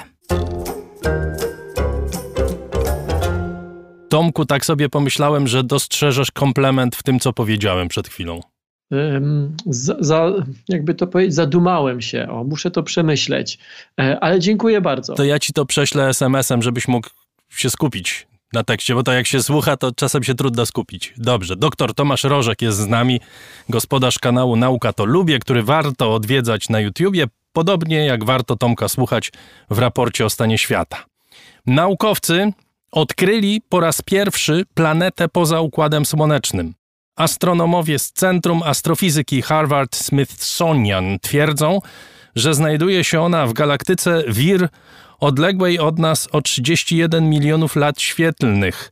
Nosi mało romantyczną nazwę M51 myślnik ULS myślnik 1. Tutaj dwie sprawy wymagają, trzy sprawy wymagają wyjaśnienia. Znaczy więcej wymaga. Powiem ci od razu, że więcej niż trzy wymagają, ale dobrze. Ale trzy na wstępie. E, powiedziałeś, że planetę poza Układem Słonecznym, e, planetę poza naszą galaktyką. Aha, okej. Okay. Po drugie, nazwa ta, którą podałeś, to nie jest nazwa planety, tylko nazwa układu, wokół którego ta planeta krąży. Na razie ta planeta jeszcze nie ma nazwy. No dobrze, ale to ci przerwę, bo mam jeszcze jedną nazwę. Tej najdalszej odkrytej planety dotychczas i ona naprawdę nazywa się OGLE myślnik 2005 myślnik BLG myślnik 390 LB. Mhm. Zupełnie nieromantyczne. Czy tam naprawdę nie ma nikogo, kto mógłby wpaść na pomysł, żeby nazwać tę planetę na przykład, nie wiem, Rosalia? A nie, no i są, jasne, tylko wiesz, planet pozasłonecznych znamy na tym etapie około 5000. I oczywiście. No to konkurs można ogłosić. Można ogłosić konkurs i można zrobić w ogóle całą listę mm, przeróżnych, nawet w różnych językach, więc z całą pewnością znalazłoby się 5 tysięcy, a może za kilka lat 50 tysięcy nazw romantycznych, ładnych, tyle tylko, że nie do zapamiętania. Więc z, czystej, um, z czystego lenistwa albo, albo ta praktyczna strona astronomów, astrofizyków się odezwała i stwierdzili, ok, mamy obiekty nazywane nazwami, jest ich kilka, kilkanaście, a niech ich będzie nawet kilkadziesiąt. Natomiast jeżeli one idą w setki, w tysiące, a za chwilę w dziesiątki tysięcy, to może lepiej nazywajmy je tak, żeby dało się je łatwo znaleźć. Numerujmy je, tak? I dlatego na przykład najbliższa naszemu układowi planetarnemu, ale jednak pozasłoneczna planeta, nazywa się Proxima Centauri B. To już jest ładna nazwa. Proxima Centauri. E, więc nie trzeba pamiętać osobno nazwy planety, osobno nazwy gwiazdy. Jeżeli mówimy o dalszych gwiazdach, to akurat jest bliziutko, więc, więc e, łatwo, mm, no więc ma swoją nazwę, taką też historyczną, ale jeżeli mówimy o obiektach bardzo dalekich, e, które mają po prostu swoje numery katalogowe, nie tylko same obiekty, ale całe galaktyki mają swoje numery katalogowe. Wspominałeś o galaktyce WIR, no ale mm, większość, myślę, osób znają pod nazwą galaktyka M51. Zresztą to jest galaktyka, którą można zobaczyć z Ziemi. Może nie gołym okiem, ale lornetka już wystarczy. Jest, gdyby ktoś z Państwa chciał, to e, jest pod ostatnią gwiazdą tego dyszla wielkiego wozu. Tomku, jeszcze trzeci błąd, który w, w tych dwóch zdaniach zdążyłem zmieścić. Już ci mówię, już ci mówię, co wymaga wyjaśnienia. To, czy to jest na 100% planeta, to to się okaże dopiero za jakiś czas. Na razie to jest tak, że najbardziej prawdopodobnym wytłumaczeniem jest to, że tam jest planeta. Natomiast okres jej obiegu wokół układu który jest w centrum, wokół którego ona krąży, e, to trwa kilkanaście lat, więc e, trzeba chwilkę poczekać, e, żeby sprawdzić, czy na pewno to jest planeta, czy nie. I tutaj wchodzimy jak gdyby w, tą, w ten poziom taki, w którym czuję się w obowiązku wyjaśnić, co tam się tak naprawdę dzieje, co tam tak naprawdę odkryto, bo bez tego to wszystko, o czym mówimy, może się wydawać dość mocno nieintuicyjne. Dobrze, zaraz to wyjaśnisz, tylko ja bardzo bym chciał się zapytać na początek takie bardzo techniczne pytanie. Jak w ogóle można odkryć coś, co leży 30 milionów lat świetlnych od nas?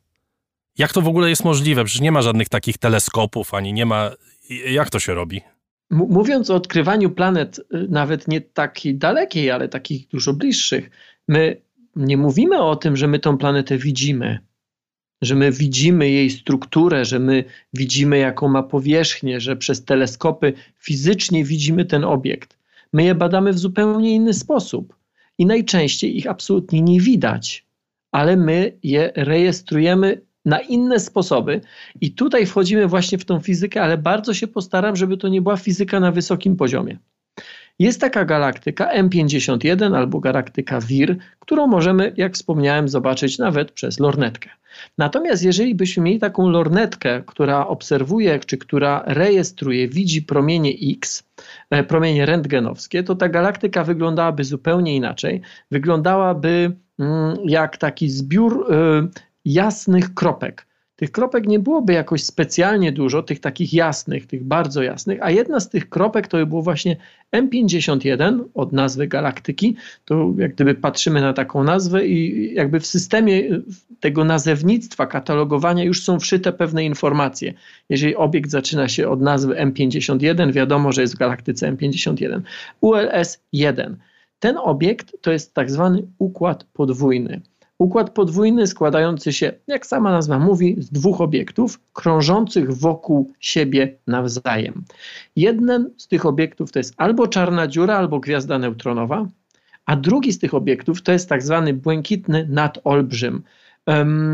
Końcowa faza e, życia e, dużej, ciężkiej gwiazdy. Poczekaj, jeszcze czarna dziura to intuicyjnie chyba wiemy mniej więcej co to jest, a gwiazda neutronowa to co to jest? To jest e, jeszcze późniejsza faza dużej, ciężkiej gwiazdy. Także to są, to kiedyś najpewniej były dwie gwiazdy duże, ciężkie, które wokół siebie krążyły w takim tańcu. Jeżeli, jeżeli były tej samej masy, to krążyły wokół punktu, który, był, który jest dokładnie między nimi. Jeżeli któraś z nich jest cięższa, czy była cięższa, któraś lżejsza, to, to, e, no to ten punkt, wokół którego krążą, on się przesuwa. Nie, nie chcę tutaj za bardzo wchodzić w szczegóły. Natomiast dzisiaj jest tak, czy dzisiaj tych 20, tych 30 milionów lat temu tak było, no bo to, że my to teraz widzimy, no to, to się zadziało, to jest stan sprzed tych około 30 milionów lat. Jak tam jest teraz, to my nie wiemy. Dowiemy się za 30 milionów lat. Więc tych 30 milionów lat temu około, skoro ta odległość wynosi 30 milionów lat świetlnych, mm, tam była czarna dziura bądź gwiazda neutronowa i błękitny nadolbrzym i one wirowały wokół jakiegoś wspólnego środka. E, czarna dziura bądź gwiazda neutronowa, to na tym etapie jest nie do rozróżnienia, zasysa, zasysała, zasysa materię z tego błękitnego nadolbrzyma. To zasysanie oznacza ogromne przyspieszenie tej materii. To działa tak, jakby woda wpadała do takiego, no jak wyciągamy korek z, z umywalki albo z wanny, tworzy się taki wir, no więc to zasysanie, takie wciąganie materii oznacza bardzo duże jej rozgrzanie i to jest właśnie źródło tych promieni X, które my z Ziemi jesteśmy w stanie albo z orbity ziemskiej jesteśmy w stanie obserwować. I to są właśnie te jasne kropki w tej galaktyce M51. I to się działo 31 milionów e, świetlnych lat temu. Tak, e, być może tego układu już tam nie ma. Bo błękitny nadolbrzym to jest gwiazda, która jest na skraju eksplozji, takiej gigantycznej eksplozji, którą nazywamy eksplozją supernowej. I z tej eksplozji zostanie albo czarna dziura druga, albo gwiazda neutronowa druga. Więc jesteśmy na etapie, na którym obserwujemy coś, co się działo około 30 milionów lat temu, i być może dzisiaj już tego nie ma. Najdalsza dotąd odkryta planeta, której nazwę podałem kilka minut temu, znajduje się około 21 tysięcy lat świetlnych od nas i jest w drodze mlecznej, tak? Tak. To ta jest półtora tysiąca e, razy dalej. E, więc mm, to jest dosyć duże chyba osiągnięcie naukowe, że udało się e, odkryć, no właśnie, ślady tejże planety w tej chwili. To jest ogromne osiągnięcie obserwacyjne, bo rzeczywiście trochę przypadkowo okazało się, że te promienie X, to co obserwujemy, w pewnym momencie nieco przygasły, a później znowu się pojawiły. I to jest charakterystyczna sytuacja, w której mm, mm, ktoś, kto obserwuje i ktoś, kto poszukuje planet pozasłonecznych, mówi, jakiś obiekt przeszedł pomiędzy mną, obserwatorem, a źródłem tych fal, czyli w tym przypadku fal rentgenowskich.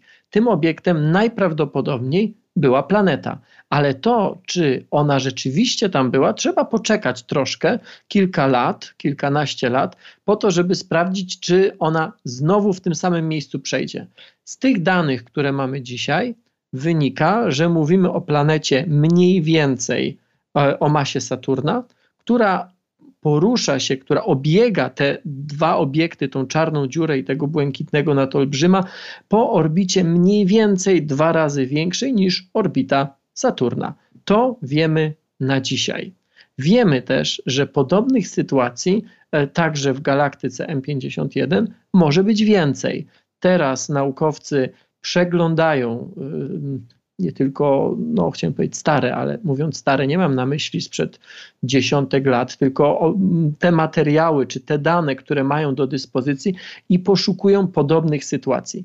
Natomiast rzeczywiście odległość y, robi gigantyczne wrażenie, przynajmniej na mnie. 30 milionów lat świetlnych, y, podczas gdy no, inne wszystkie są w naszej galaktyce i to stosunkowo blisko. No, ta najbliższa nam Proxima Centauri B, zresztą gwiazda, zresztą planeta masowo i strukturalnie bardzo podobna do naszej Ziemi, tylko ciut y, cięższa, e, krąży wokół gwiazdy, która znajduje się 4,2 e, lata świetne od nas, więc to już jest takie łatwiejsze może do wyobrażenia sobie. To chwilka w tej astronomicznej skali czasu. I odległości. I odległości, oczywiście. Czy my wiemy coś więcej na temat tego, co znajduje się poza drogą mleczną?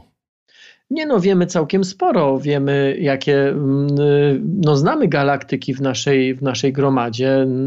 Wiemy, że najbliższa jest nam, jest galaktyka Andromedy. Zresztą Andromeda i Droga Mleczna kiedyś się zderzą, bo mkną w swoim kierunku z dosyć zawrotnymi prędkościami. E, nie znamy Andromedy na tyle dobrze, żeby powiedzieć, czy tam są planety, czy nie. Najpewniej są przez analogię, bo nie ma powodów, żeby ich tam nie było. Andromeda tak samo jak Droga Mleczna, ale tak samo jak ta galaktyka M51 Vir, to są galaktyki spiralne. Wśród wielu różnych rodzajów galaktyki spiralne to są te, o których chyba mogę powiedzieć, że są najbardziej uporządkowane, więc mm, jeżeli gdziekolwiek mielibyśmy poszukiwać jakiegoś mocno zaawansowanego życia, e, które po, po, potrzebuje po prostu stabilizacji i czasu na to, żeby powstać, no to raczej w galaktykach spiralnych właśnie. Natomiast no, to, że udaje się znaleźć, udało się znaleźć y, takiego silnego kandydata, kandydatkę na planetę w tak odległej galaktyce, oczywiście w, w, w, skali wszechświata to jest nasze najbliższe sąsiedztwo. To też musimy sobie z tego zdawać sprawę, bo, bo wszechświat jest ogromny. 30 y, milionów lat świetlnych to jest dosłownie rzut beretem y, od nas. A w jakiej odległości kończy się droga mleczna? Droga Mleczna to jest galaktyka, no taka raczej małych rozmiarów. To jest tam kilkaset tysięcy lat świetlnych. Zastanowiło mnie, co powiedziałeś, że zmierzamy ku kataklizmowi. Co się stanie, jak Andromeda się zderzy z drogą mleczną? Pytasz w jakim kontekście? Znaczy, co się stanie z nami, co się stanie z gwiazdami? Przypuszczam, że galaktyką? wtedy już kwestia inflacji oraz cen mieszkań nie będzie miała specjalnego znaczenia, ale co konkretnie się wydarzy wtedy? niezmiernie mało prawdopodobne jest, jest sytuacja, y, w której konkretne gwiazdy y, będą się zderzały z konkretnymi gwiazdami tam. Y, bo chociaż mogłoby się wydawać, że, że mm, galaktyki to są takie bardzo gęste obiekty, to jednak tam jest głównie pustka. Więc e, to nie przypomina takich kolizji, jak na przykład kolizje dwóch samochodów albo kolizje dwóch, dwóch kulek. To raczej przypomina wzajemne przenikanie się, co brzmi dość niewinnie i, e, i mogłoby sugerować, że w zasadzie nic się nie zadzieje, ale to absolutnie niewinne nie jest, dlatego że cała galaktyka ona jest ustabilizowana przez siłę grawitacji. E, czyli, czyli to grawitacja powoduje, że planety albo układy planetarne, a wewnątrz tych układów planety krążące wokół gwiazd, że one są w miarę e, ustabilizowane, w miarę na stabilnych kursach. Jeżeli nagle okaże się, że w naszym kosmicznym sąsiedztwie pojawia się coś dużego, ciężkiego, takiego jak galaktyka, jeżeli nagle okaże się, że te galaktyki się przenikają, e, przelatują, że tak powiem, przez siebie, te gwiazdy zaczynają być bliżej siebie niż były wcześniej, to cała ta grawitacyjna układanka, ona po prostu przewraca się jak domek z kart. I to nie jest jakaś sytuacja rzadka. W kosmosie w wielu miejscach widzimy e, kolizję galaktyk. Co więcej, nasza własna galaktyka kiedyś to były dwie bądź nawet trzy mniejsze, które się sobą zderzyły. Więc, więc to nie jest rzadka sytuacja. Natomiast e, wszystko to, co znamy z naszego świata, tego rozumianego w skali nawet galaktyki, a niekoniecznie naszego układu planetarnego albo nawet naszej Ziemi, to wszystko runie. E, być może nasze Słońce będzie, albo inne gwiazdy będą, ale może się okazać, że planety zupełnie polecą gdzie indziej. E, więc, więc to jest taka sytuacja rzeczywiście, która z jednej strony mm, jak mówię, że tam nie dochodzi, albo jest mało prawdopodobne, że będzie dochodziło do takich kolizji bezpośrednich, jedna gwiazda z drugą się zderzą. Natomiast sam fakt, że będą się przenikały, to totalnie zdemoluje cały, cały układy planetarne i w ogóle cały układ tego wiru, jak widzimy galaktyki spiralne. Nie wiem, szczerze mówiąc, co mogę powiedzieć na koniec. Ja może tylko na koniec jedną rzecz dodam, bo teraz opowiadając o tym, yy, wspominałem, że rozmiar galaktyki drogi mlecznej to jest kilkaset tysięcy lat świetlnych. Troszkę przesadziłem, to jest między 100 a 150 tysięcy lat świetlnych, nie kilkaset. To chciałbym być precyzyjne. Dziękuję bardzo za to uszczegółowienie. Ale czy ja cię zmartwiłem tą perspektywą? To znaczy, wiesz, ja słucham i nagle się okazuje, że metaversum nie jest najważniejszym problemem wszechświata. Y, myślę, że jest bardzo małym problemem, o ile, o ile w ogóle. Natomiast powiem ci, co jest pocieszające. Widoki będą kozackie. Obyśmy tylko mieli jeszcze, nie wiem, oczy, żeby je oglądać. Do któregoś momentu będziemy mogli. Dziękuję Ci bardzo. Tomasz y, Rożek był gościem raportu o stanie świata i doktor Tomasz Rożek wróci. Dziękuję Ci. Dziękuję bardzo.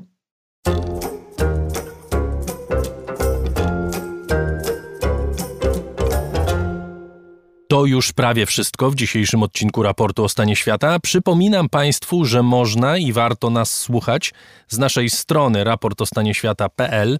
We wtorek kolejny odcinek raportu z przyszłości Agaty Kasprolewicz. Tym razem Agata zmierzy się z pytaniem, jak zmienia się nasze podejście do pracy, jak będzie wyglądała praca przyszłości. Raport jest programem wspieranym przez słuchaczy. Za wszystkie wpłaty z serca Państwu dziękuję. Przypominam, że każdy chętny może zostać patronem raportu. Zapraszam na mój profil w serwisie patronite.pl. Za jego pośrednictwem najłatwiej dokonać wpłaty. Adrian Bąk, Chris Wawrzak, Dariusz Rosiak, dziękujemy za uwagę. Na koniec jeszcze jeden klasyk. Ciągle mówimy. Wszyscy mówią, więc posłuchajmy, jak Neil Young śpiewa i gra utwór pod tytułem Słowa.